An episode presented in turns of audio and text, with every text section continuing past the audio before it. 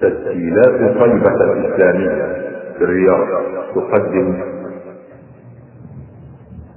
السلام عليكم ورحمة الله.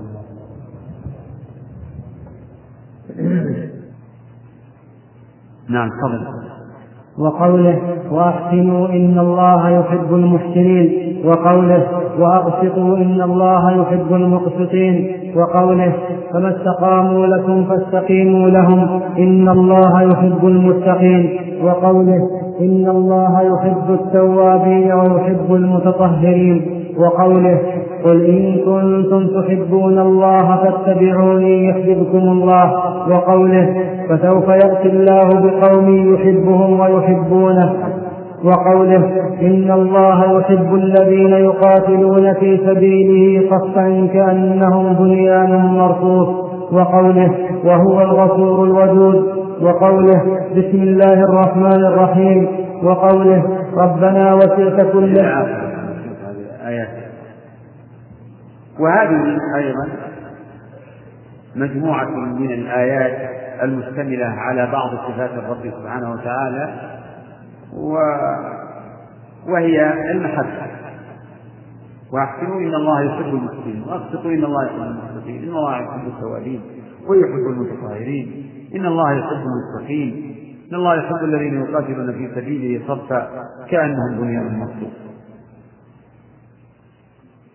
رحمك الله فدلت هذه الآية على أنه تعالى يحب. فالمحبة صفة من صفاته كما قلنا في القوة والسمع والبصر والإرادة كلها صفات. أخبر الله بها عن نفسه. كذلك أخبر بأنه يحب بعض عباده يحب المحسنين. المحسنين لأعمالهم والمحسنين إلى عباد الله يحب المقسطين. المقسطين الذين يعدلون في حكمهم وأهليهم وما ولوا يحب التوابين الرجاعين إليه عن الذنوب وعن التقصير يحب المتطهرين كما أمروا يحب المتقين سبحانه وتعالى يحب المجاهدين في سبيله. كلها أخبر سبحانه وتعالى. فوجب الإيمان بأن من صفاتها محبة. وفي هذا غاية الترغيب في هذه الأعمال. إن محبة الله للعبد هي فوق ما ينال من الثواب. فالمؤمنون المخلصون أولياء الله. يتطلعون للفوز بهذه المحبة. قل إن كنتم تحبون الله فاتبعوني يحببكم الله. والمخلوق يوصف بالمحبة. ولكن مع الفرق فللمخلوق محبة تليق به وتناسبه. يمكن يعبر عنها بشيء انها ميل الشيء أو ميل الإنسان إلى ما يناسب أو ما أشبه ذلك. والله يوصف بالمحبة. وليست المحبة ليس ليست المحبة كالمحبة. محبة الخالق ليست كمحبة المخلوق. كذلك العكس ليس كمثله شيء وهو السميع البصير. لكن محبته محبة حقيقية. لا كما يقول المعطلة من الجهمية والمعتزلة والأشاعرة الذين ينفون حقيقة المحبة. يقول الله لا يحب ولا تليق به صفة المحبة. ويفسرون ما جاء في النصوص يحرفون النصوص يفسرونها بالإرادة. يقول يحب المقسطين يعني يريد الإنعام عليهم. يحب المحسنين يعني يريد أن ينعم عليهم. أو يقولون يحب المقسطين يعني يثيبهم. وهكذا يفسرون المحبة إما بالإرادة وإما بالثواب. إما بالثواب أو إرادة الثواب. فينفون عن الله حقيقة المحبة. وهذا مبني على أصولهم الفاسدة وأن إثبات هذه الصفات يستلزم التشبيه فيقعون في التناقض ويفرون من شيء فيقعون في نظيره أو في شر منه. وأهل السنة والجماعة يثبتون لله ما أثبته لنفسه يثبتون له كل ما أثبته لنفسه وأثبته له رسوله كما تقدم في ذكر مذهب أهل السنة والجماعة. فيدخل في ذلك إثبات المحبة. فأهل السنة يثبتون لله المحبة بل يثبتون المحبة من الجانبين. يعني يقولون إنه تعالى يحب ويحب. يحب يحب المؤمنين والمقسطين والمحسنين والمجاهدين إلى كما في الآيات. ويحبه أولياءه يحبه المؤمنون. كما قال سبحانه يا أيها الذين آمنوا من يرتد منكم عن دينه فسوف يأتي الله بقوم يحبهم ويحبون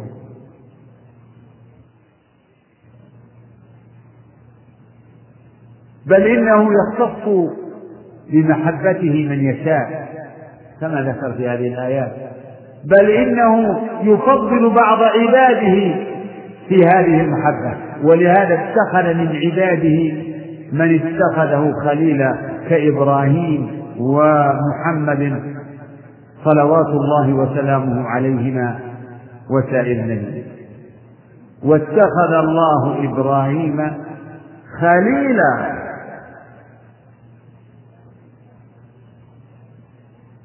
ومن الأدلة على إثبات صفة المحبة قوله تعالى وهو الغفور الودود ودود فعول من المودة.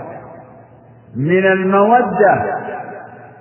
قيل ودود يعني كغفور يعني كثير المغفرة.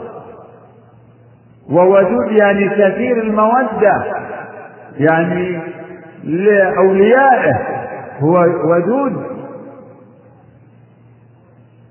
وقيل ودود بمعنى موجود أي محبوب والأول هو الراجح في تفسير هذا الاسم.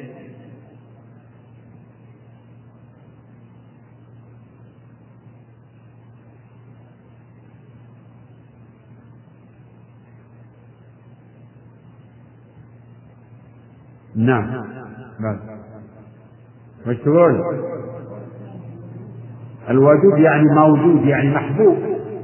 فعلا هو محبوب لأوليائه يحبه يحبهم ويحبونه. لكن رجح العلامة ابن القيم في كلامه على هذا الاسم أن معناه ودود يعني واد أي كثير المودة لأوليائه وعباده الصالحين. إجراء لهذا الاسم مجرى غفور وشكور وما أشبه ذلك. وعفو من الأسماء الحسنى. نعم. بسم الله الرحمن الرحيم الحمد لله رب العالمين وصلى الله وسلم وبارك على نبينا محمد وعلى آله وصحبه أجمعين. قال المصنف رحمه الله تعالى وقوله سبحانه وتعالى بسم الله الرحمن الرحيم. وقوله ربنا وسعت كل شيء رحمة وعلما. وقوله وكان بالمؤمنين رحيما. وقوله ورحمتي وسعت كل شيء وقوله كتب ربكم على نفسه الرحمة. وقوله وهو الغفور الرحيم وقوله فالله خير كافرا وهو أرحم الراحمين. وقوله رضي الله عنهم ورضوا عنه.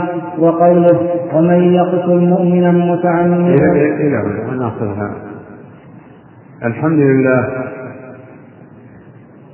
والصلاة والسلام على رسول الله وعلى آله وصحبه ومن اهتدى بهداه. هذه مجموعة من الآيات الدالة على بعض صفات الرب وأسمائه. فهي من نصوص الأسماء والصفات. وهي هذه الآيات المشتملة على إثبات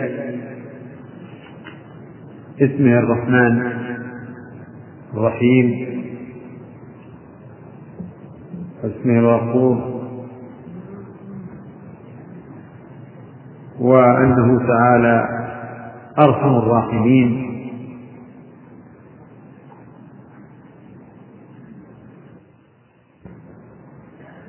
وهذه الأسماء تدل على إثبات صفة الرحمة على ما هو مقرر في في القاعدة المشهورة أن المشهورة أن وهي أن كل اسم متضمن لصفة فالله الرحمن الرحيم. كما في هذه الآية بسم الله الرحمن الرحيم.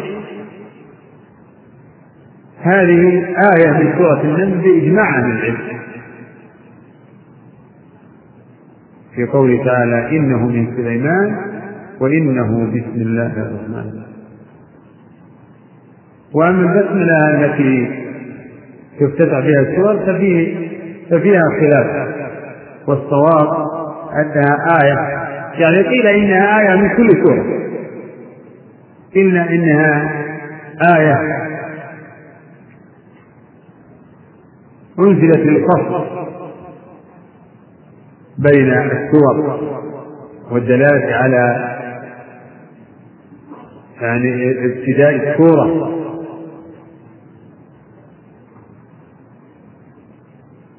وهذا أرجح أي إنها آية من القرآن أنزلت بالدلالة على أوائل السور وللفصل بين السور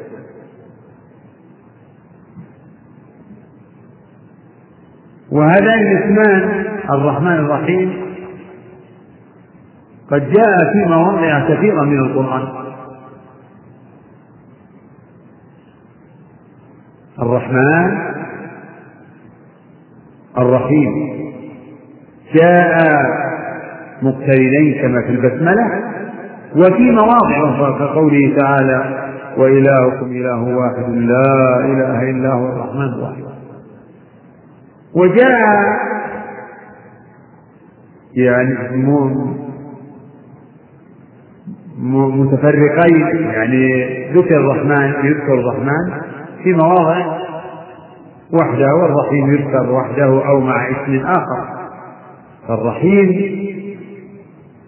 قرن في أسماء أخرى كالغفور والرؤوف. إن الله بالناس لرؤوف رحيم. والله غفور رحيم. وهذان الاسمان من أسماء الله الحسنى.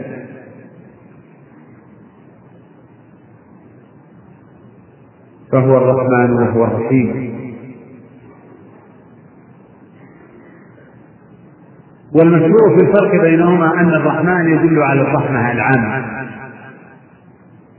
والرحيم يدل على الرحمة الخاصة بالمؤمنين.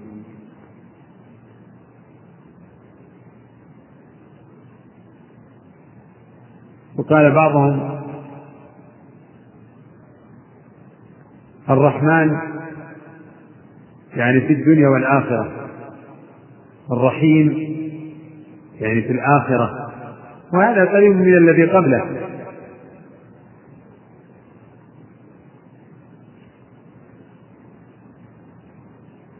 والحق أنه سبحانه وتعالى الرحمن الرحيم في الدنيا والآخرة. وجاء عن ابن عباس رضي الله عنهما أنه قال الرحمن الرحيم اسمان رقيقان يعني يدلان على الرحمة وهي معنى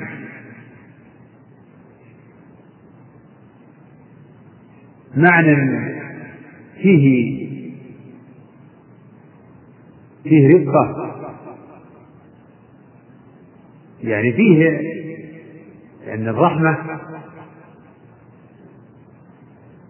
تقتضي الإنعام والإحسان والإكرام ولا ولا يقال أن هذا تفسير لكم. لا الرحمة صفة معقولة المعنى.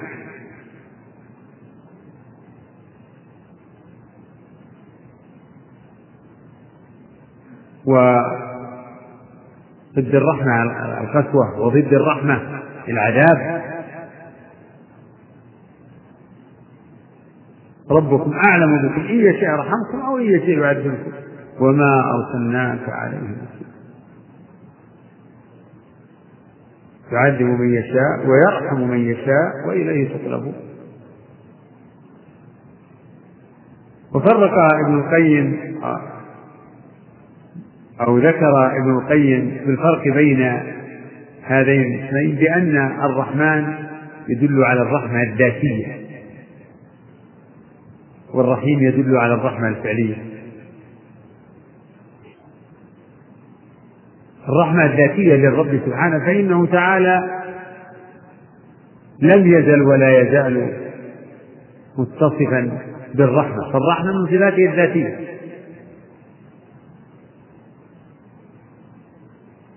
و وهو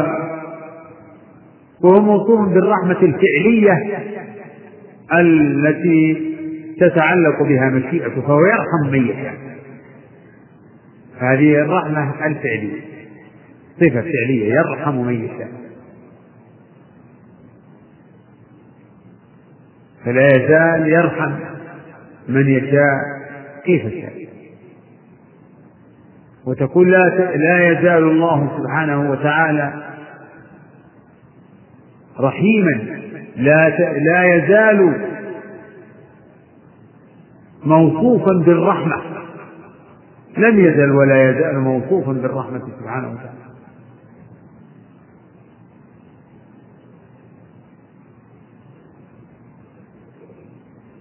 هذان اسمان عظيمان. وقد أنكر الكفار اسمه الرحيم فأنكر الله عليهم ذلك وكفرهم. قال تعالى وإذا قيل لهم اسجدوا للرحمن قالوا وما الرحمن؟ وما الرحمن ونسجد لما تأمرنا وزادهم نفورا.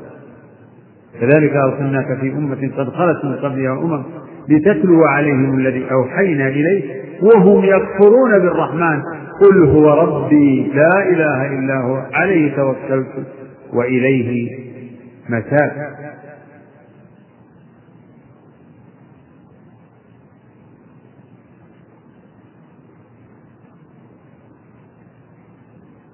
إذا الرحمن الرحيم اسمان من أسمائه الحسنى دالان أيضا على صفة الرحمة.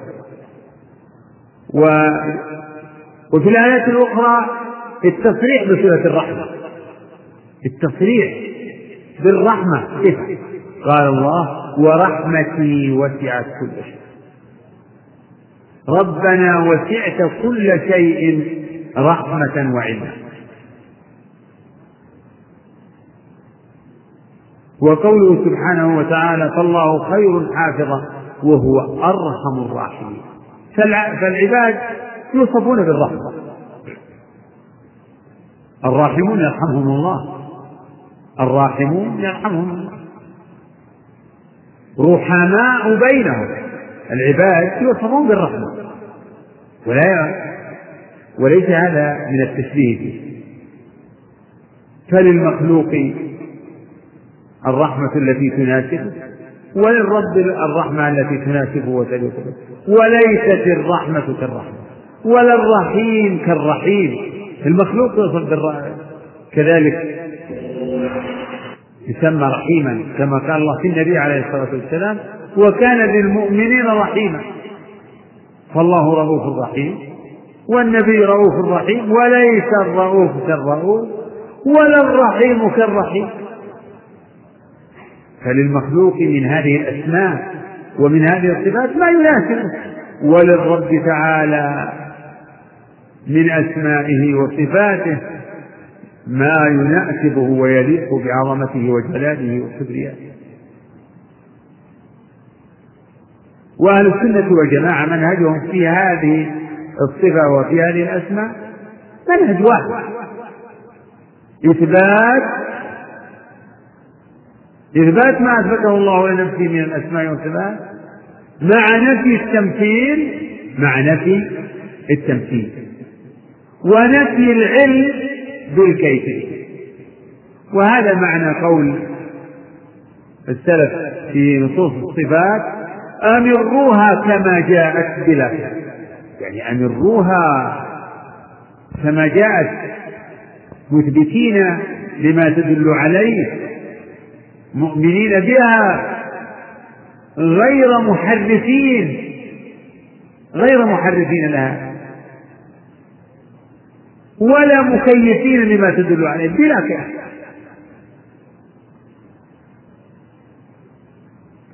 فأهل السنة والجماعة يثبتون لله صفة الرحمة على حقيقتها.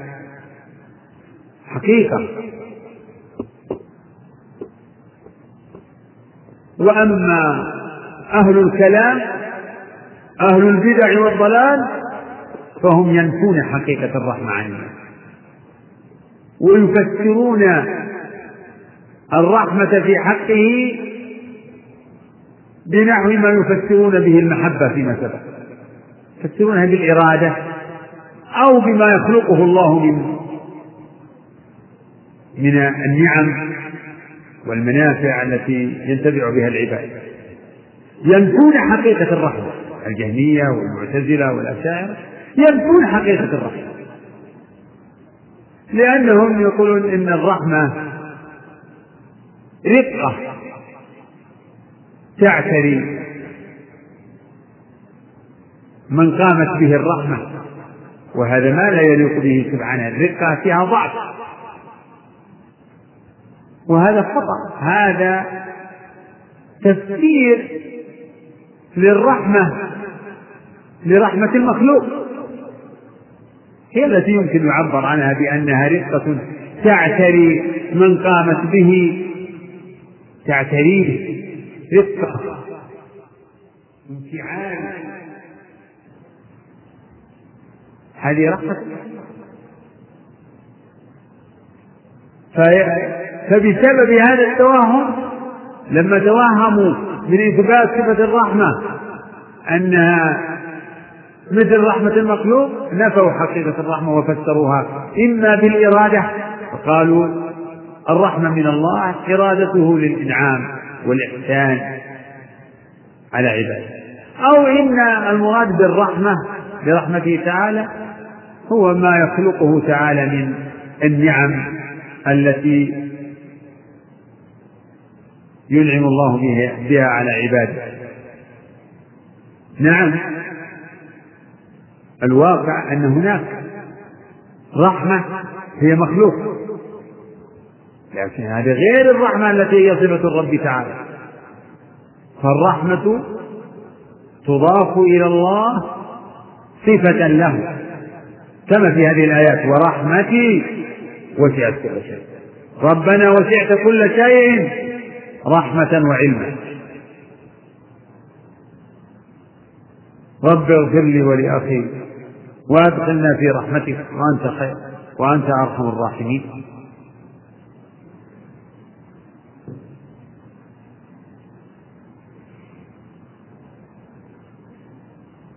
فالله خير حافظا وهو أرحم الراحمين.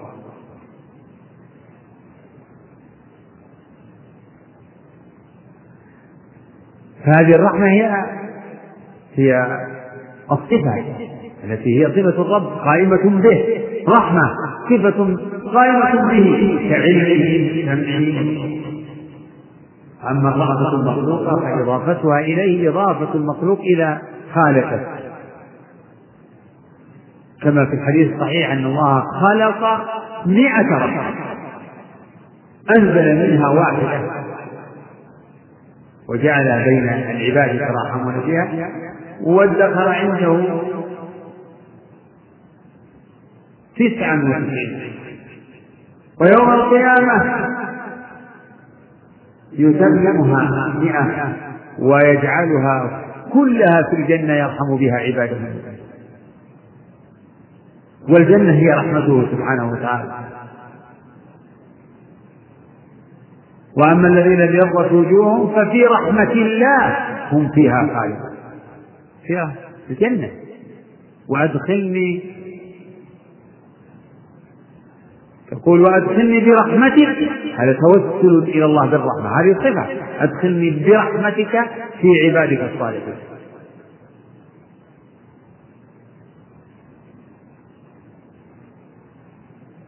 فأما الذين آمنوا وعملوا الصالحات فيدخلهم ربهم في رحمته.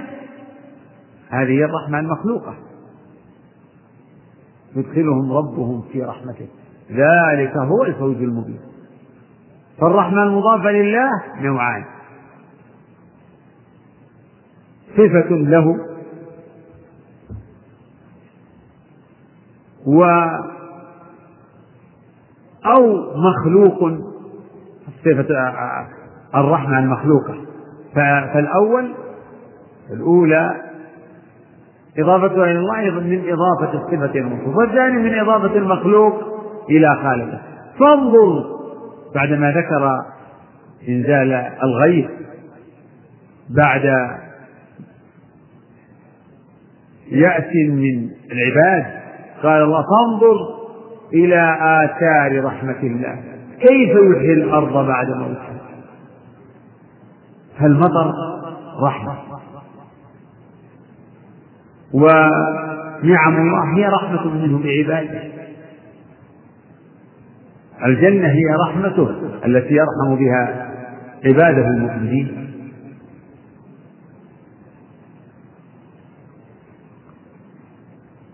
فالمقصود إن هذه الآيات هي دالة على إثبات ما اشتملت عليه من أسماء الله الحسنى وصفاته العلى فيجب إثبات ذلك له سبحانه وتعالى على ما يليق به ويختص به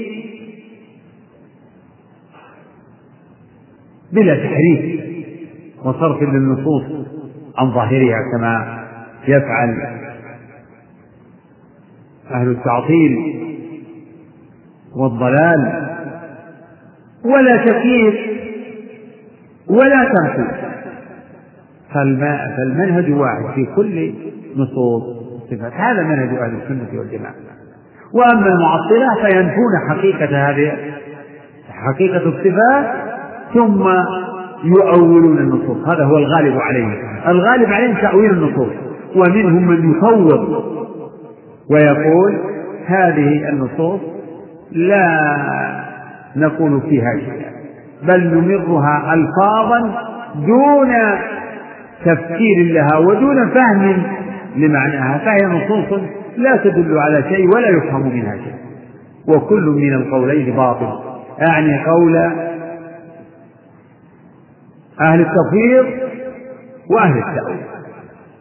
بل هذه النصوص دالة على معاني معقولة يفهمها من وفقه الله فهي تدل على إثبات هذه الأسماء وهذه الصفات لربنا سبحانه وتعالى.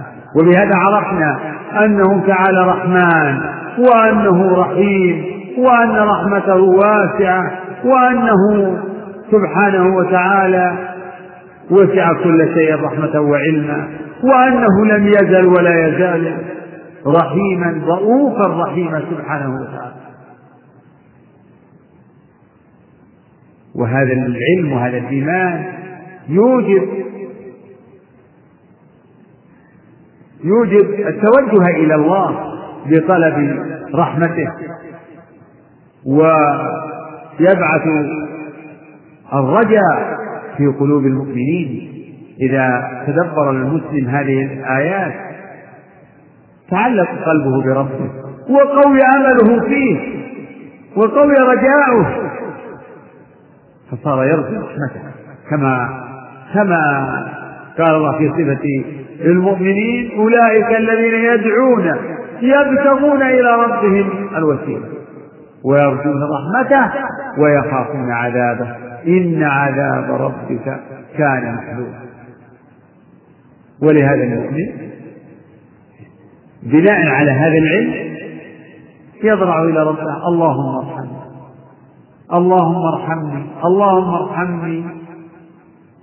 وارحم عبادك المؤمنين. فيدعو لنفسه بالرحمة ويدعو لإخوانه المؤمنين. يسأل ربه أن يرحمه. وإذا رحمه الله إذا رحمه ربه أنعم عليه بأنواع النعم وأعظم رحمة يرحم الله بها عبده أن يوفقه للإيمان والعمل الصالح والاستقامة على ذلك.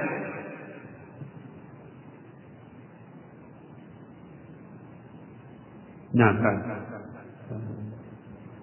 وقوله تعالى ومن يقتل مؤمنا متعمدا فجزاؤه جهنم خالدا فيها وغضب الله عليه ولعنه وقوله ذلك بأنهم اتبعوا ما أسخط الله وكرهوا رضوانه وقوله فلما آسفونا انتقمنا منهم وقوله ولكن كره الله بعاثهم فثبطهم وقوله كبر مقتا عند الله أن تقولوا ما لا تفعلون وقوله هل ينظرون إلا أن يأتيهم الله في ظلل من الغمام والملائكة أو إلى كذلك هذه الآيات اشتملت على إثبات بعض صفات الرب سبحانه وتعالى وهي الرضا والغضب والكراهية والمقت فالله تعالى موصوف بهذه الصفات. فالله وصف نفسه بالرضا. عن عباده رضي الله عنهم رضي الله عنهم ورضوا عنه.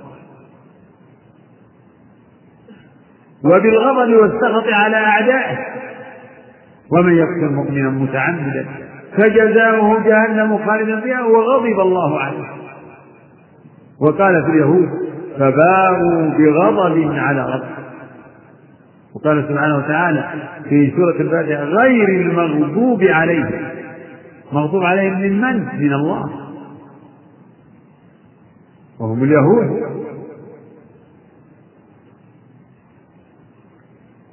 وكان في المنافقين ولكن كره الله بعثهم كره. فهو تعالى يكره وكما في الحديث إن الله كره لكم. قيل وقال وكثرة السؤال وإضاعة المال وقال سبحانه وتعالى كل ذلك كان سيئه عند ربك مكروها.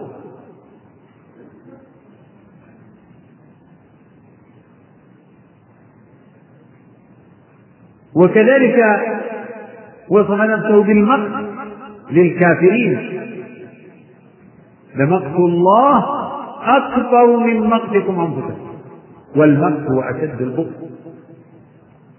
فكما أنه تعالى يحب أولياء يحب المؤمنين يحب المقسطين التوابين والمتطهرين ويحب المتوكلين عليه. كذلك يمقت الكافرين ويبغضهم ويكرههم.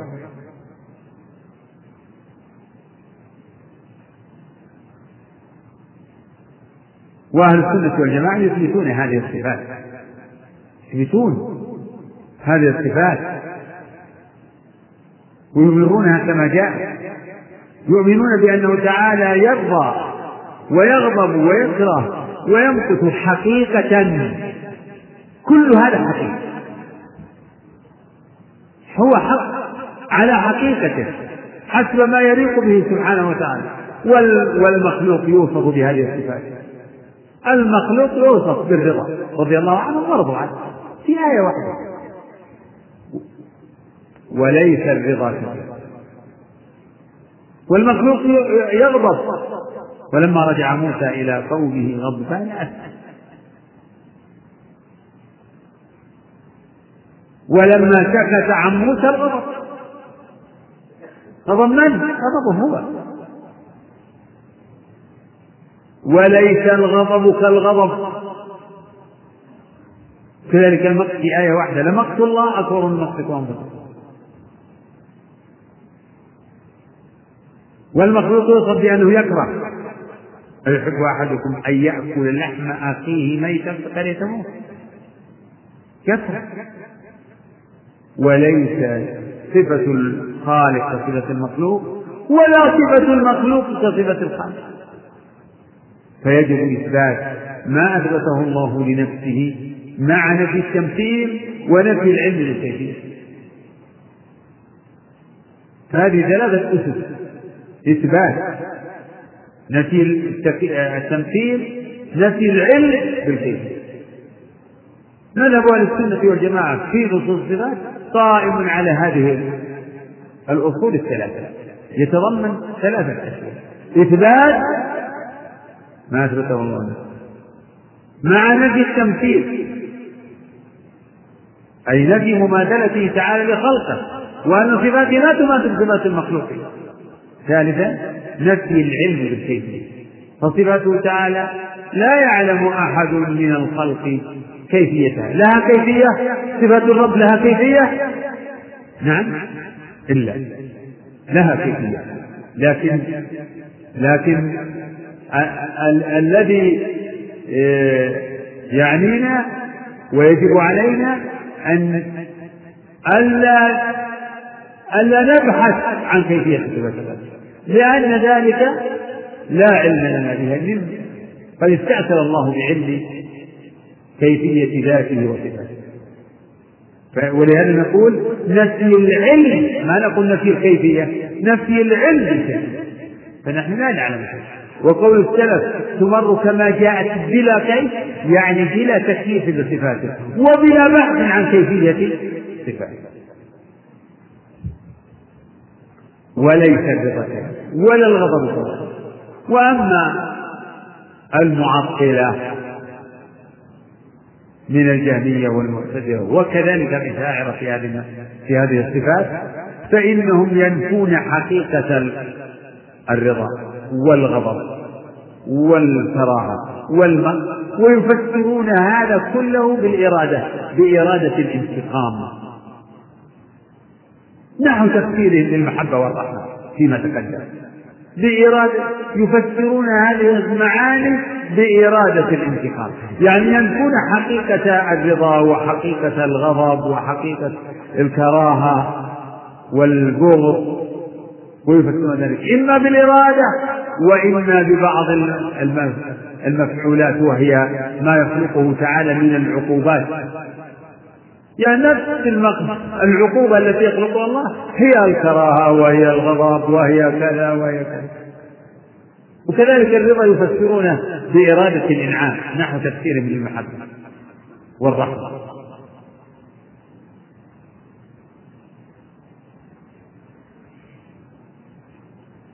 وهذا تحريف للكلمة عن مواضع كما تقدم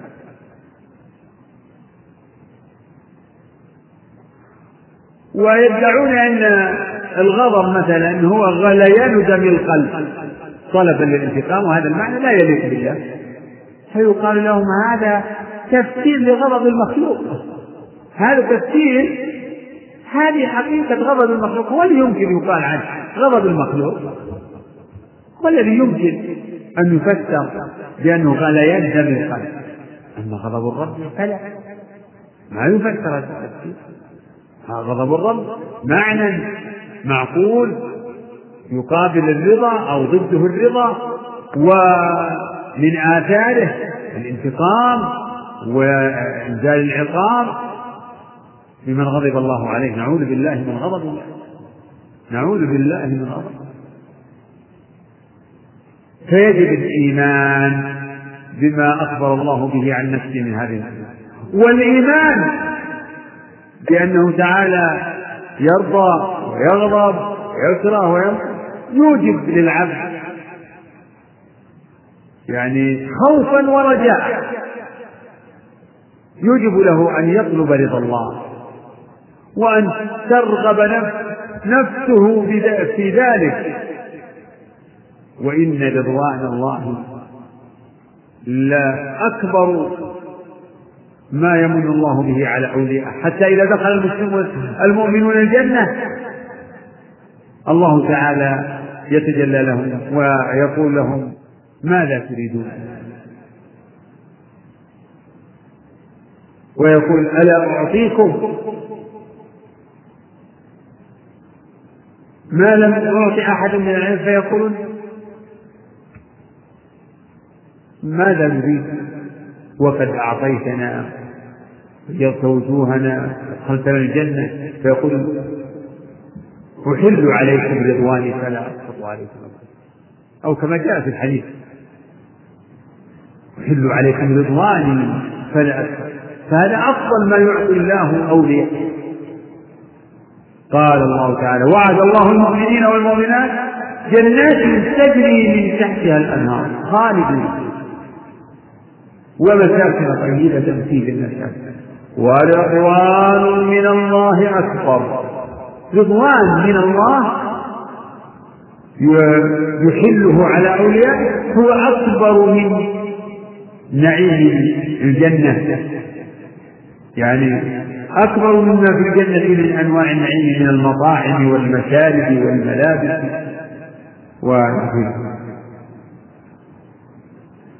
الإيمان بأنه تعالى يغضب يوجب للعبد أن يخاف من غضب الله فيستعيذ بالله من غضب الله. وفي الحديث الصحيح أعوذ برضاك من سخطك وبمعافاتك من عقوبتك وبك منك لا نأتي ثناء عليك أنت كما أثنيت على نفسك. فللإيمان بأسماء الرب وصفاته آثار على القلب وآثار على سلوك العبد. توجب الإيمان العلم بأسماء الله وصفاته والإيمان بها والتحقق بذلك له آثار باطنة وظاهرة. تورث الموفقين من عباد الله محبته سبحانه وخوفه ورجاءه والتوكل عليه. كل هذا من آثار الإيمان بأسمائه وصفاته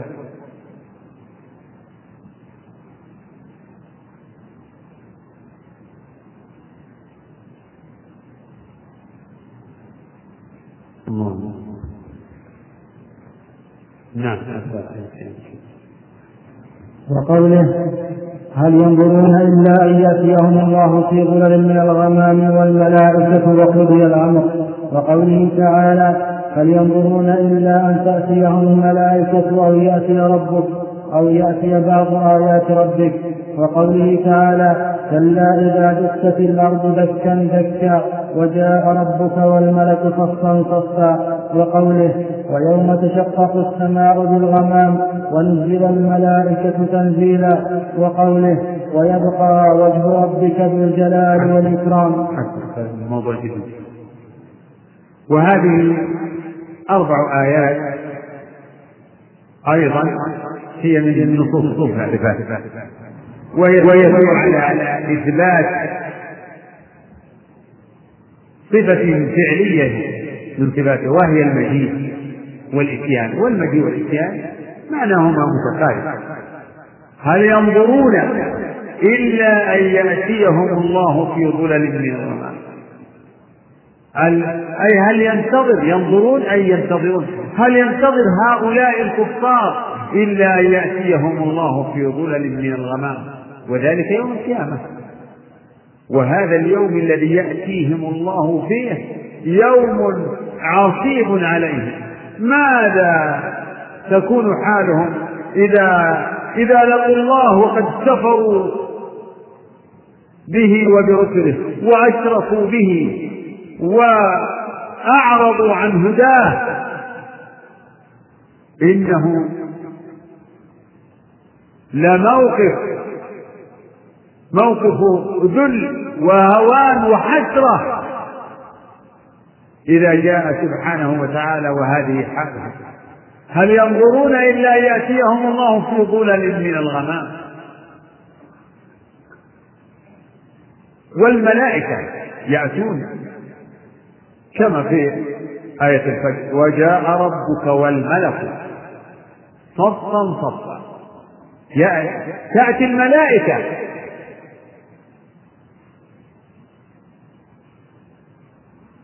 وهكذا قوله سبحانه هل ينظرون إلا أن تأتيهم الملائكة؟ أو يأتي ربك؟ أو يأتي بعض آيات ربك؟ وكل هذا حاصل كل هذا سيأتي. ستأتي الملائكة. يوم يرون الملائكة لا بشرى يومئذ للمجرمين ويقولون حجرا محجورا. إلى أن قال تعالى ويوم تشقق السماء بالغمام ونزل الملائكة تنزيلا. والقرآن متشابه يصدق بعضه بعضا. ففي الآية الأولى قال هل ينظرون إلا أن يأتيهم الله في ظلل من الغمام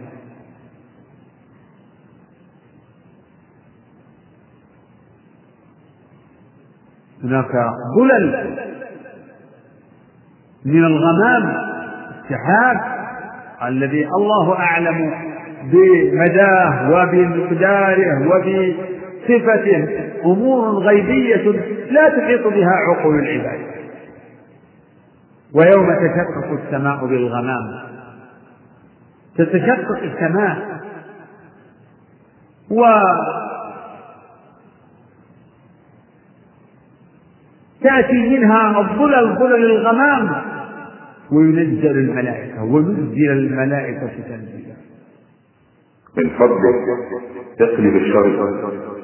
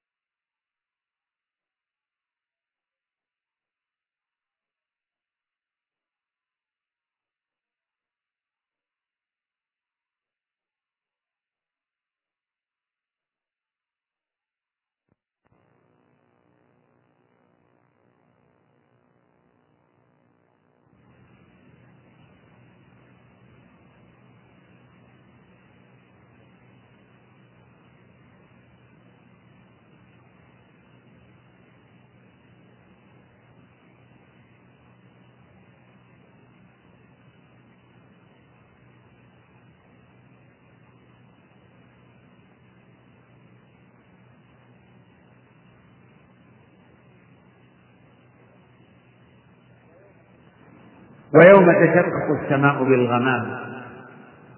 تتشقق السماء. و تأتي منها الظلل ظلل الغمام. وينزل الملائكة ونزل الملائكة تنزيلا. تنزل الأملاك بأمر الله. الملائكة تنزل بأمر الله. وتفعل ما تؤمر به.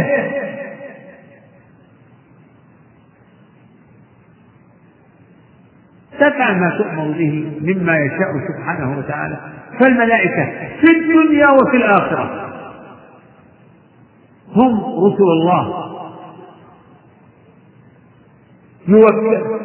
يوكلون بما يشاء سبحانه. ملائكة موكلون بكذا. بالوحي بالفطر بقبض الأرواح بالجبال بما شاء سبحانه وتعالى.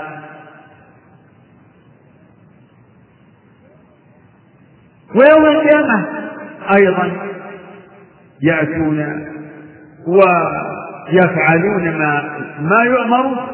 لا يعصون الله ما أمرهم ويفعلون ما يؤمرون.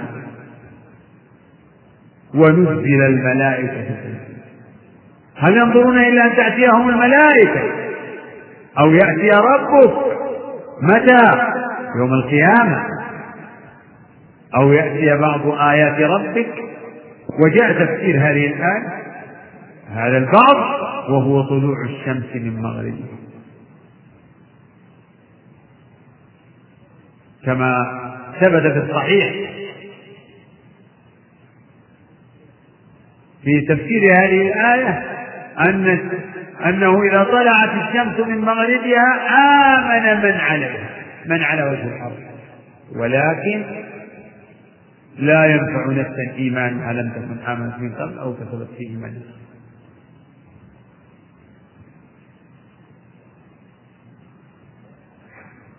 فيا فيجب إثبات ما دلت عليه هذه الآيات من مجيئه سبحانه وتعالى. فيجب الإيمان بأنه يجيء كيف شاء. لا يصح أن أن يتخيل العباد هي يعني كيفية مجيء الرب ونزوله سبحانه وتعالى. لا يصح أن نتخيل ولا نفكر في هذا أبدا لأنه لا سبيل لعقول العباد إلى أن أن يتصوروا كيفية نزوله وكيفية مجيئه سبحانه وتعالى. بل ينزل كيف شاء ويجيء كيف شاء سبحانه وتعالى. فالعقول قاصرة عن تكييف ذاته وصفاته. بل هي قاصرة عن تكييف بعض المخلوقات وهي عن تكييف الرب تعالى وصفاته أعجز. وأهل السنة والجماعة يثبتون ذلك ويؤمنون به ويعلمون أنه تعالى سيأتي يوم القيامة للفصل بين عباده يأتي للفصل بين عباده والحكم بينهم ليجزي العاملين بأعمالهم بأعمالهم إن خيرا فخير وإن شرا فشر. في ذلك اليوم الذي هو يوم الدين. الله. الله. سبحان الله العظيم. سبحان الله العظيم. والإيمان بذلك يوجب الإعداد. الإيمان باليوم الآخر. والإيمان بما يكون فيه من مجيء الرب ومجيء الأملاك. يوجب الإعداد لذلك اليوم. فإن من الناس من يلقى ربه وهو عنه راض فيلقاه مسرورا.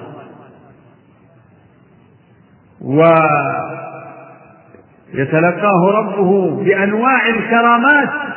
ومن الناس من يلقى ربه وهو عليه غضبان. نعوذ بالله من ذلك. نعوذ بالله اللهم إنا نعوذ برضاك من سخطك وبمعافاتك من عقوبتك وبك منك. نسأله تعالى أن يجعلنا ممن يسعد بلقائه ويكون فائزا مسرورا بذلك. إنه تعالى سميع الدعاء. صلى الله وسلم وبارك على نعم. الحمد لله رب العالمين. وصلى الله وسلم على نبينا محمد وعلى آله وصحبه أجمعين. قال رحمه الله تعالى وقوله تعالى وابقى وجه ربك ذو الجلال والإكرام وقوله كل شيء هالك إلا وجهه. وقوله ما منعك ما منعك أن تسجد لما خلقت بيدي وقوله وقالت اليهود يد الله مغلولة غلت أيديهم ولعنوا بما قالوا بل يداه مبسوطتان ينفق كيف يشاء. وقوله فاصبر لحكم ربك فإنك بأعيننا. وقوله وحملناه على ذات ألواح ودسر تجري بأعيننا جزاء لمن كان كفر. وقوله وألقيت عليك محبة مني ولتصنع على عيني. وقوله قد سمع الله.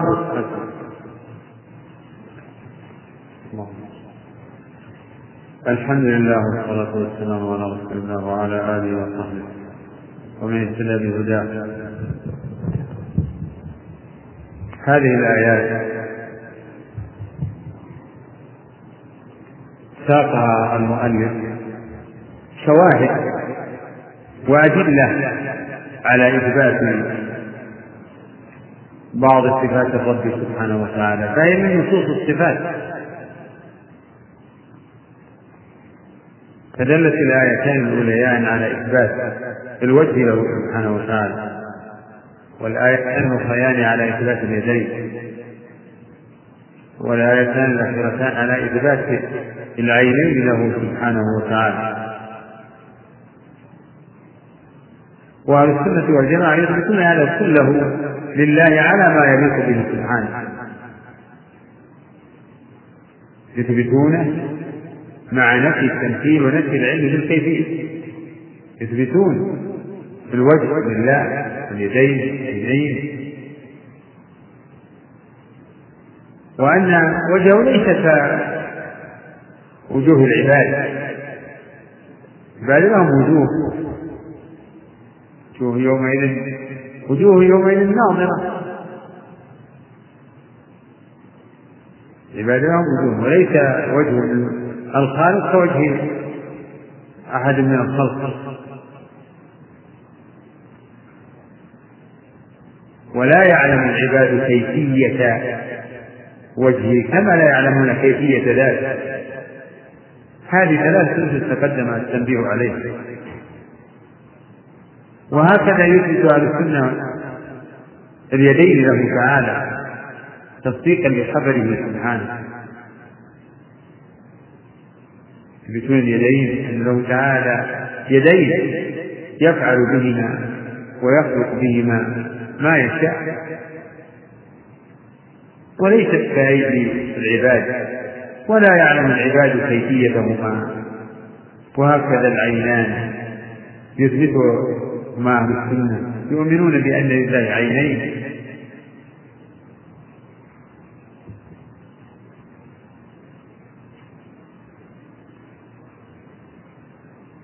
إن لله عينين.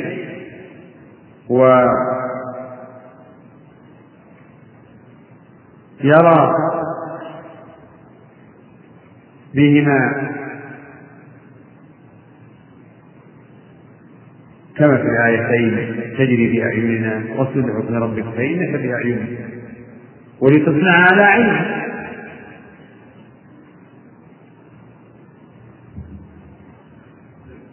وأهل الضلال الذين أصلوا أصولهم الباطلة. ومن أصولهم أنه تعالى لا تقوم به أي صفة لا تقوم به أي صفة فهو ذات مجرد. فهؤلاء ينفون حقيقة الوجه واليدين والعينين. كل هذا إثبات هذا لله. إثبات هذا لله تشبيه. فينفون عن الله الوجه. ليس لله وليس له يدان. يفعل بهما ويخلق بهما وليس لله عينين أبدا. ينفون هذا كله.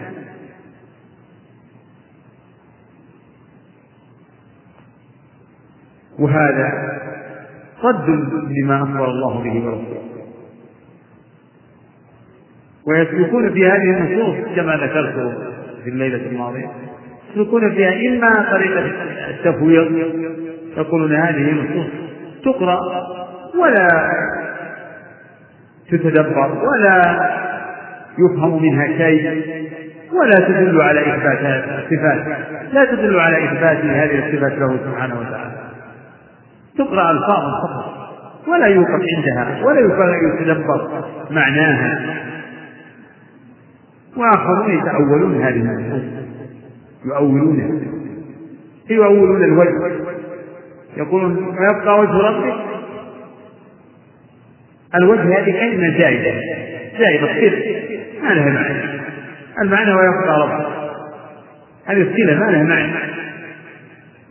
يعني يصبح حرفها أولى بالكلام. تعالوا الله أو المراد بالوجه يعني نفس الذات. فيبقى وجه ربك يعني ذات ربك. أو الثواب وجه ربك يعني ثواب وهذه من تأويلاتهم بتحريفاتهم الباطلة السلبية ولا موجب لهذا إلا أصلهم الباطل وهو نفس صفات الرب سبحانه. فلما أصل الأصل الباطل لا بد أن يقف من هذه النصوص موقف يدفع يدفعونها يدفعون معارضتها لمذهبهم الباطل. فيحرفونها يحرفونها وهكذا الذين يؤولونه بكذا بكذا بالقدرة اليد القدرة اليد النعمة.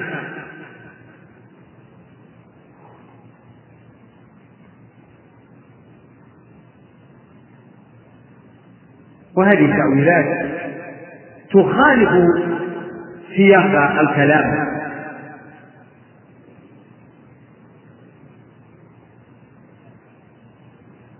ولا أصل لها ليس لهذه التأويلات أصل من لغة ولا شرع ولو كان قوله أن تسجد لما خلقت بيدي يعني بقدرتين الله له قدرة ولا يقال لله قدرتان الله له قدرة تامة لا يعجزها ولا يستعصي عليها. ونعمه ليست نعمتان فالنعم كثيرة. لا تحصى ولو كان معنى ما منعك تسجد لما خلقت بيدي يعني بالقدره مثلا لما كان لآدم خصوصيه فعادم كغيره الكل مخلوق بقدرته سبحانه وتعالى.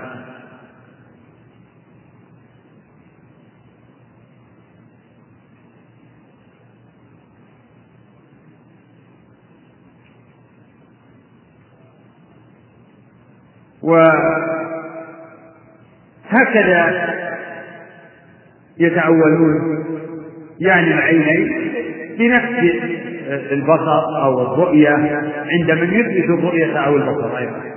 كالأشاعرة الأشاعرة يثبتون البصر الرؤية مثلا لأنها بمعناها أو قريب لكنهم لا يثبتون العينين له سبحانه وتعالى. وأما أهل السنة فمجمعون على إثبات هذه الصفات. والأدلة وقد دل على إثبات هذه الصفات كتاب السنة والإجماع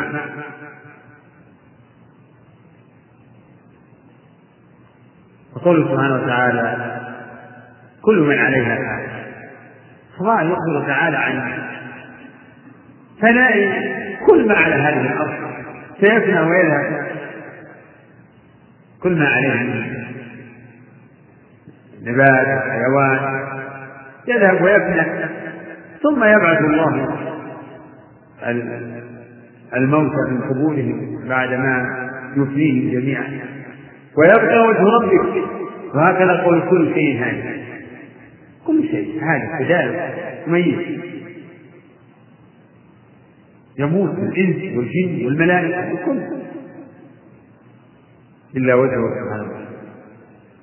فتدل هاتان الآيتان على إثبات الوجه له تعالى وتدل على بقائه على أنه سبحانه وتعالى الباقي. الذي لا يفنى كما يفنى غيره له البقاء والدوام. فهو الأول الذي ليس قبله شيء والآخر الذي ليس بعده شيء. فلا يجوز عليه الفناء ويجوز عليه الموت. هو الحي الذي لا يموت. الحي الذي لا يموت. والقوي الذي لا يضعف. والقدير الذي لا يعجز. سبحانه. سبحانه.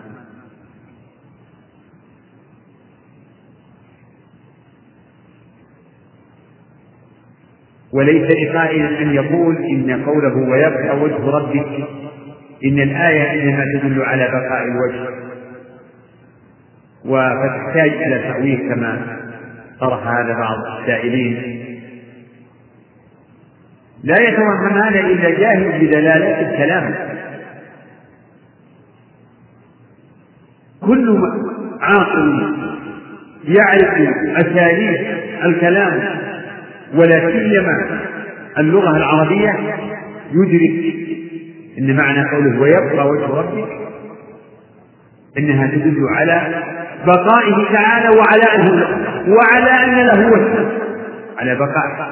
ولا تدل بظاهرها أبدا لا تدل بظاهرها على أن يعني إن البقاء لوجه فقط هذا فهم ساذج وسمج وساقط من يزعم أن ظاهر الآية أن أن البقاء لوجهه فقط وأن ذاته يعني هذا ظاهره فتحتاج إلى تأويل فهو هكذا سادة لا يحسن فهم الكلام. والتأويل هو صرف الكلام عن ظاهره إلى معنى آخر أو عن الاحتمال الراجح إلى احتمال مرجوح فنسأل هل هاتان الآيتان تحتاجان إلى تأويل؟ يعني بحيث نقول إن إن ظاهرها أنه سبحانه وتعالى أن البقاء لوجهه فقط؟ أعوذ بالله. هل هذا ظاهرهما؟ لا ليس ظاهر الآيتين هذا بل ظاهرهما أنه سبحانه وتعالى الباقي ويبقى وجه ربك يفهم كل عاقل يفهم دلالات الكلام أن هاتين الآيتين يفهم منهما أنه سبحانه وتعالى الباقي الذي لا يفهم وأن له وجه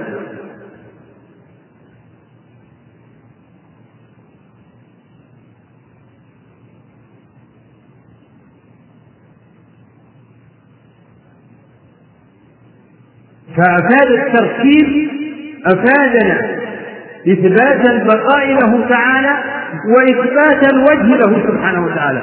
ولا يريد أن البقاء مخصوص أو خاص للوجه دون ذاته تعالى تعالى الله عن فهم الخاطئين الغالطين.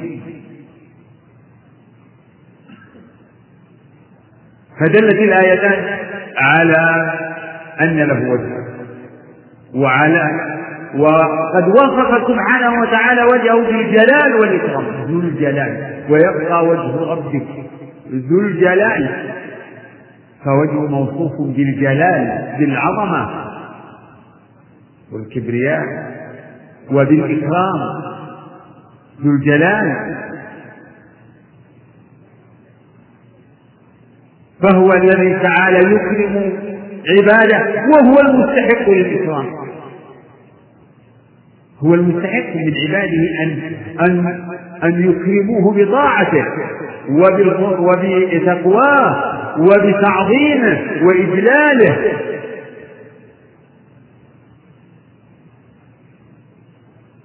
ثناء عليه وتمجيدا له وتعظيما له وتنزيها له عن كل نقص وعيب. ويبقى وجه ربك ذو الجلال والإكرام فوجهه يوصف بالجلال والإكرام. وهو تعالى يوصف بالجلال والإكرام كما قال سبحانه في آخر سورة الرحمن تبارك اسم ربك ذي الجلال والإكرام. فهو تعالى ذو الجلال والإكرام.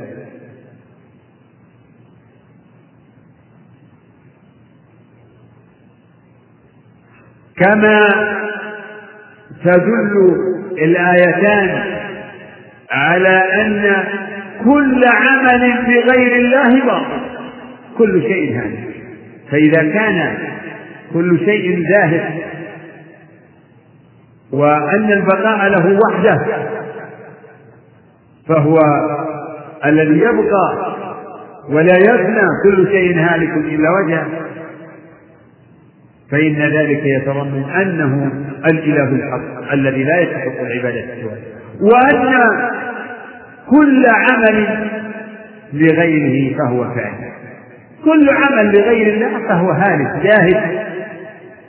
وقدمنا إلى ما عملوا من عمل فجعلناه هباء منثورا ولا يبقى إلا ما كان خالصا لوجهه. والباقيات الصالحات خير عند ربك ثوابا وخير املا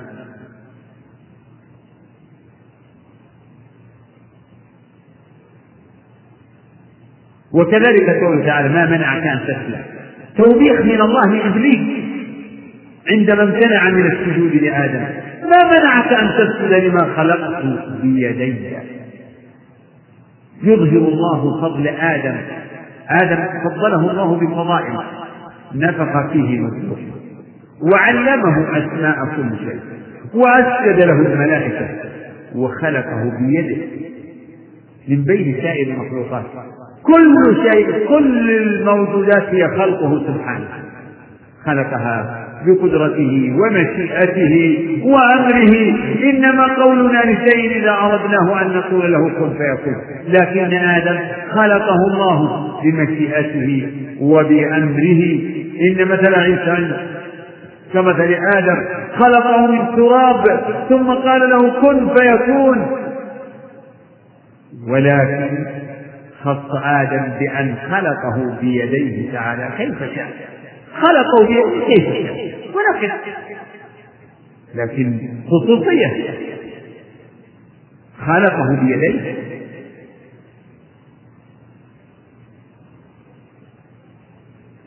والله يفعل بيديه ما شاء ويأخذ بيديه ما شاء كما ثبت في الصحيحين أن أنه عن النبي صلى الله عليه وسلم أن الله يأخذ يوم القيامة أرضه وسماءه بيديه فيهزهن ويقول أنا الملك أين ملوك الأرض؟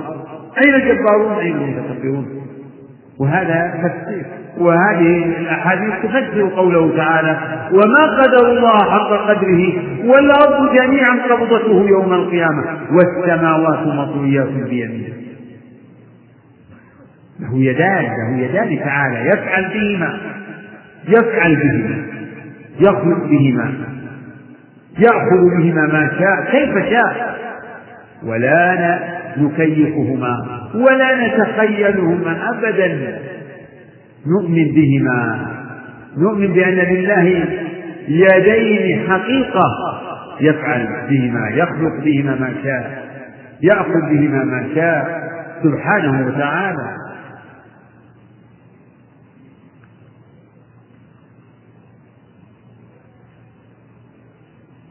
ولا نقول إنهما له يدان وليست وليستا جارحتين. فإن هذه العبارة يطلقها بعضهم وهي عبارة مبتدعة موهمة توهم وقد تتضمن نفي حقيقة اليدين. يعني له يدين لكن ليست يدين.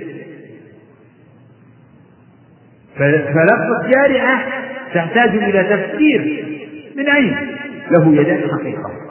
وإذا قلنا له يدان حقيقة فلا يعني أن يديه كأيدي أحد من الخلق لكن يدان يفعل بهما. يفعل بهما. يأخذ بهما ما شاء يفعل بهما ما شاء سبحانه وكذلك قوله تجري بأعيننا إلى الآيات تجري بأعيننا. هذا إخبار من الله عن سفينة نوح. عندما أمره الله بصنعها فصنع عن صنع الفلك بأعيننا ووحينا. فنوح عليه السلام صنع الفلك على عين الله وبمرأى من الله وجرت به وبمن معه من المؤمنين أيضا بمرأى من الله. تجدون في تفسير أهل السنة تجري بأعيننا أي بمرأى منه. وليس هذا من التأويل في شيء. هذا تعبير عن دلالة الكلام. يعني المعنى تجري بمرأى منا. يعني تجري والله تعالى يرعاها ويراها يراها بعينه التي لا تنام فمن قال تجري بأعيننا فهو فقد عبر عن المعنى تعبيرا صحيحا وليس هذا تأويلا للعين ولا نفيا للعين. بل هذا يتضمن إثبات العين لأن العين بها تكون رؤية تجري بأعيننا. واصبر لحكم ربك فإنك بأعيننا. في تصدير للرسول وتثبيت لقلبه اصبر لحكم ربك. على أذى أعدائك. اصبر فإنك بأعيننا. بأعيننا بمرأى منا فالله يراك. ومن كان الله يراه ويرعاه ويحفظه ويحرسه فإنه لا خوف عليه. كما قال تعالى وتوكل على العزيز الرحيم الذي يراك حين تقوم. وتقلبك في الساجدين إنه هو السميع العليم. ويقول أهل السنة إن لله عينين. وإن كان لفظ العينين لم يرد في القرآن ولم يصح به حديث فيما أعلم. وإن ذكر فيه حديث لكن في ثبوته نظر. لكن أهل السنة فهموا من كلام الله من القرآن أن لله عين. ولا يجوز الخروج عن سبيل المؤمنين. فسبيل المؤمنين هو هذا. وقوله ولتصنع على عينك في موسى يربى في بيت فرعون على عين الله والله تعالى يرعاه ويحفظه وي ويحرسه سبحانه وتعالى من كيد الكائدين. ولتصنع على عيني ألقيت عليك محبة مني. فالله تعالى يحبه وحببه إلى من شاء من عباده. ولتصنع على هذه الآية تدل على إثبات العين لله العين. لكن لا لا يصح أن يقال إنها تدل على أنه ليس لله إلا عين. هذا فهم خاطئ. لا يصدر إلا من جاهل بدلالات الكلام. جاهل فكما أن قوله تعالى بيده الملك هل تدل على أنه ليس لله إلا يد وحده؟ كما يقوله المغالطون الغالطون المتحرقون ليس لله إلا يد وحده بيده. لا. من كان له يدان يقال يقال هذا بيده وأخذ هذا بيده. ولا يدل على إفراد اليد على أنه ليس لله إلا يد. إذا قوله ولتصنع على عين لا يدل على أنه ليس لله إلا عين. هذا من يعني لا يفهم كل من كان على الفطرة وفطرته نقية سليمة من الشبهات وسليمة من الخلجات والمخا و... و... ووساوس الشيطان أبدا. لا يتبادر إلى ذهنه العامي الذي على الفطرة لا يفهم من هذا الكلام أنه أنه ليس لله إلا علم. حاشا. وهكذا قوله تعالى تجري بأعيننا هذا الأسلوب لا يدل على أن لله أعين. كما قوله تعالى مما عملت أيدينا. لا يدل على أن لله أيدي كثيرة. و والحقيقة أنه يعني لولا وجود بعض الأفكار والوساوس والتساؤلات لما كان يعني هناك داع لهذا التوقف.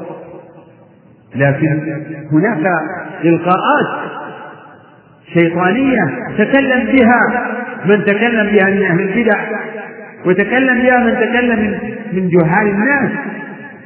مما عملت أيدينا. هذا الأسلوب لا يدل على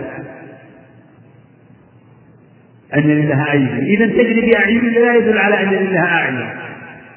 لأن من قواعد اللسان العربي أن المثنى إذا أضيف إلى الجمع أو صيغة الجمع فإنه يذكر بلفظ الجمع. قال أهل العلم كقوله تعالى والسارق والسارقة فاقطعوا أيديهما. السارق والسارقة تقطع كم؟ أربع أيدي. تقطع أربع أيدي لهما. يدان. من السارق يد ومن السارق وهكذا قوله تعالى فقد طغت قلوبكما. قلوبكما. للمرأتين قلوب أم قلبان؟ ها؟ هذا في قصة عائشة وحفصة. فقد إن تتوبا إلى الله فقد طغت قلوبكما. إذا الجمع لا يدل على أن للمرأتين عدد كثيرة من القلوب. إذا هذه الآيات استدل بها أهل السنة على إثبات العينين لله تعالى. ولا يجوز التوقف في هذا البتة. لا يتوقف في هذا إلا جاهل بما عليه السلف الصالح وجاهل بدلالات الكلام.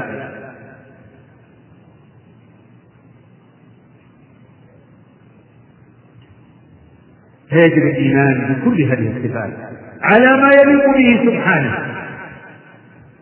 فلا يشبه لا تشبه شيء من صفاته صفات المخلوقين. ليس كمثله شيء لا في ذاته ولا في صفاته ولا في أفعاله.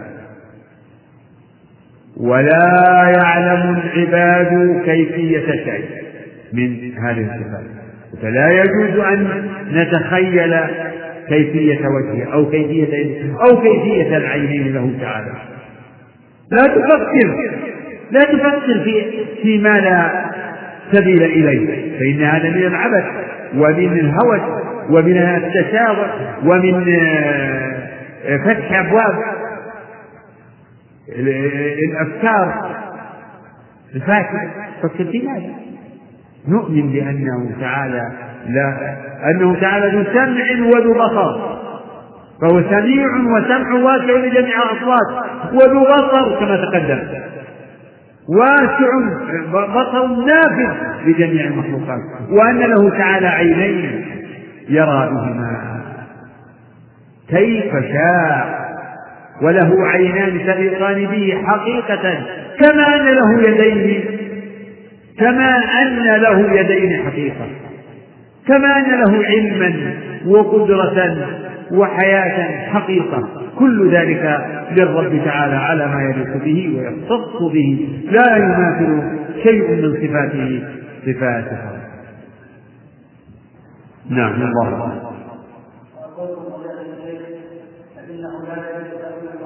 الأسماء والصفات. كما قولكم في قوله تعالى وهو معكم أينما كنتم إذا لم تفهم بدون تأويل. هذا موضوع سيأتي فلن نطيل فيه. سيأتي مرات أو سنة مرتين يأتي قريبا في آيات المعية سيأتي. و على كل حال أبدا ما في شيء من آيات الصفات يحتاج إلى تأويل. يعني هذا التأويل هو مبني على على الفهم وعلى التصور الناقص والتصور الخاطئ. هل المعية تقتضي اختلاطا؟ يعني واتصالا وممازجة المعية؟ أبدا. المعية في كل يعني في كل مقام بحسبه معية المخلوق للمخلوق يعني عجلنا بعض الشيء. معية المخلوق للمخلوق هل تقتضي اتصالا وممازجة؟ ما تقتضي. سيأتي ابن ابن تيمية رحمه الله قال هذا القمر موضوع في السماء وهو من أصغر مخلوقات الله وهو موضوع في السماء وهو مع المسافر وغير المسافر. القمر معنا. هل يعني إنه معنا إنه لازم يكون كمعيتك لصاحبك ها؟ يعني فيه اتصال ويجمعكما مكان واحد وما إلى ذلك؟ لا المعيه نفسها في اللغة العربية لا تقتضي اتصالا ولا تقتضي مخالطة وامتزاجا. تختلف باختلاف المضاف والمضاف إليه والله أعلم. نعم. ويقول فضيلة الشيخ السلام عليكم ورحمة الله وبركاته. من المعلوم؟ وعليكم السلام ورحمة الله وبركاته. من المعلوم أن الأشاعرة يثبتون السبع من الصفات لله تعالى ومن ذلك البصر. فهل المقصود بإثباتهم للبصر إثباتهم للعينين لله سبحانه؟ أنا ذكرت هذا في في أثناء الكلام. قلت أنهم يثبتون البصر لكن لا يثبتون العينين نعم. وهذا يقول انتشر بين كثير من الشباب ظاهرة سيئة لولا أني لاحظتها بشكل كبير لما تحدثت عنها. ولست وحدي الذي لاحظها فقد لاحظها كثير من الإخوان القادمون من الرياض. القادمون من خارج هذه المنطقة ألا وهي ترك السلام حتى بين الشباب بعضهم آه، مع بعض فكلمة توجيهية فضيلة الشيخ إنما المؤمنون إخوة فالأخوة الإيمانية هي أوثق الصلات وهي تقتضي التحاب بين المؤمنين.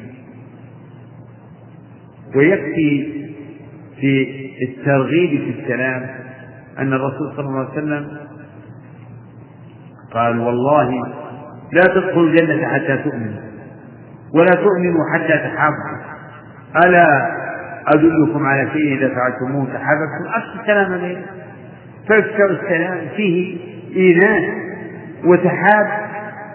إن المسلم إذا لقي أخاه المسلم فسلم عليه. انشرح صدره وأنس بأخيه وركن إليه وزالت الوحشة فإذا أعرض عنه تدخل الشيطان وألقى الظنون السيئة والخواطر السيئة وامتلأت القلوب من الأحقاد والظنون الكاذبة وربما تجاوز الأمر إلى إلى العداوات والحزازات والظلم والاعتداءات والغيبة بسبب هذا التدابر. لا تحاسدوا ولا تناجسوا ولا تدابروا ولا تباغضوا ولا يبيع بعضكم على بيع بعض. وكونوا عباد الله وصايا كريمة وكونوا عباد الله إخوانا وإن هذه الظاهرة إنها لظاهرة سيئة. كيف يعرض المسلم عن أخيه المسلم من غير موجب؟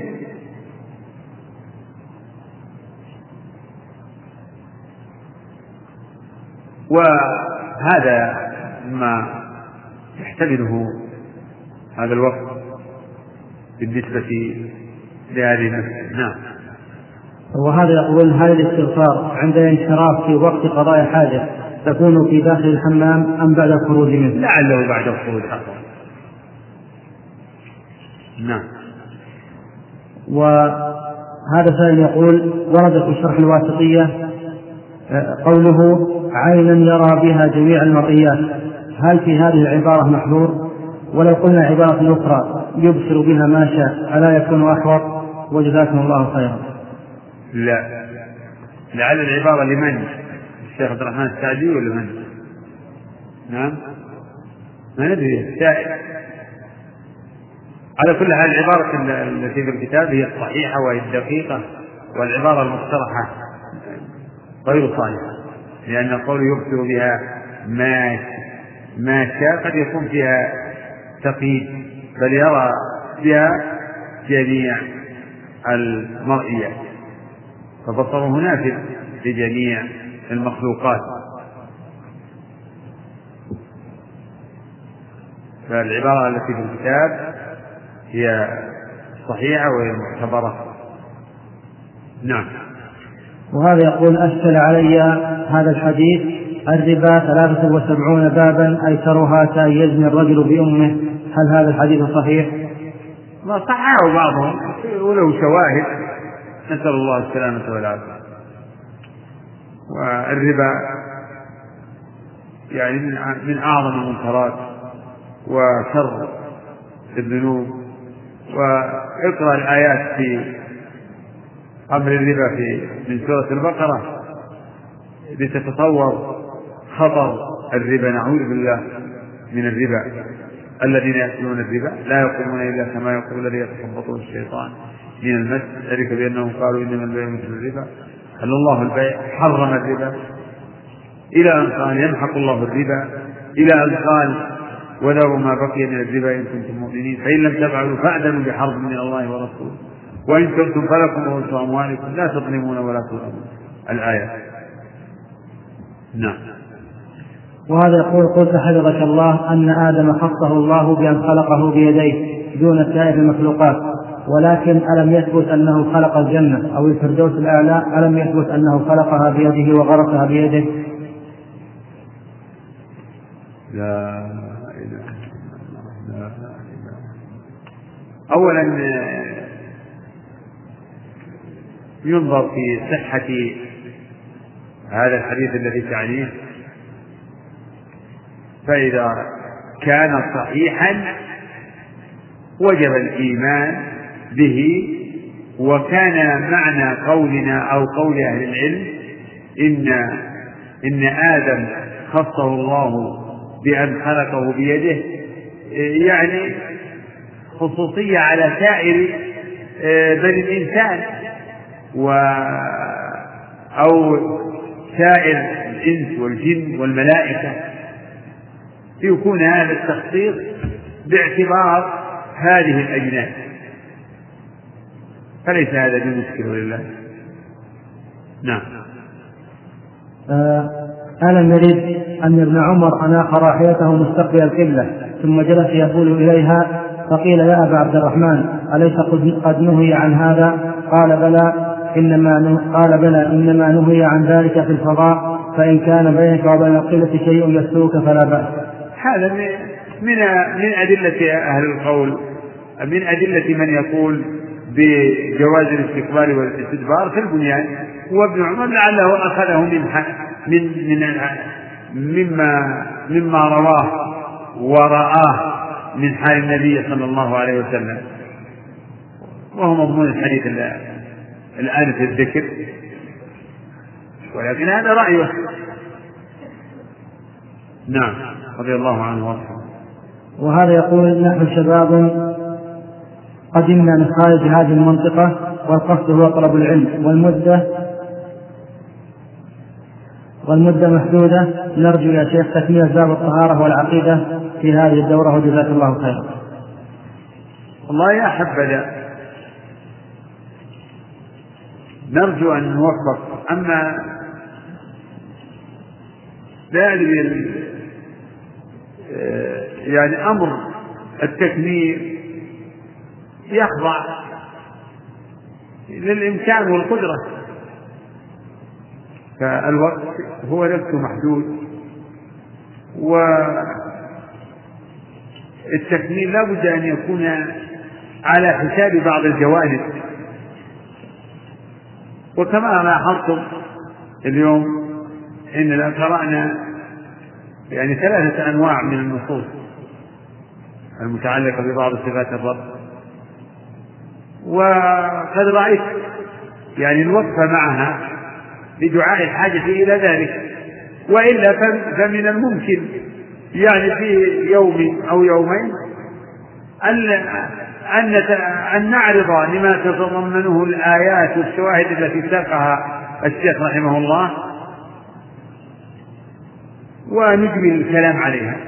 فإن رأينا مثلا أن الوقت ضاق وبقي يعني قدر كبير غيرنا الأسلوب إلى يعني أسلوب يعني تفصيل بعض الشيء إلى يعني منهج الاختصار والاقتراب والإجمال. مع تحيات تسجيلات طيبة الإسلامية الرياض.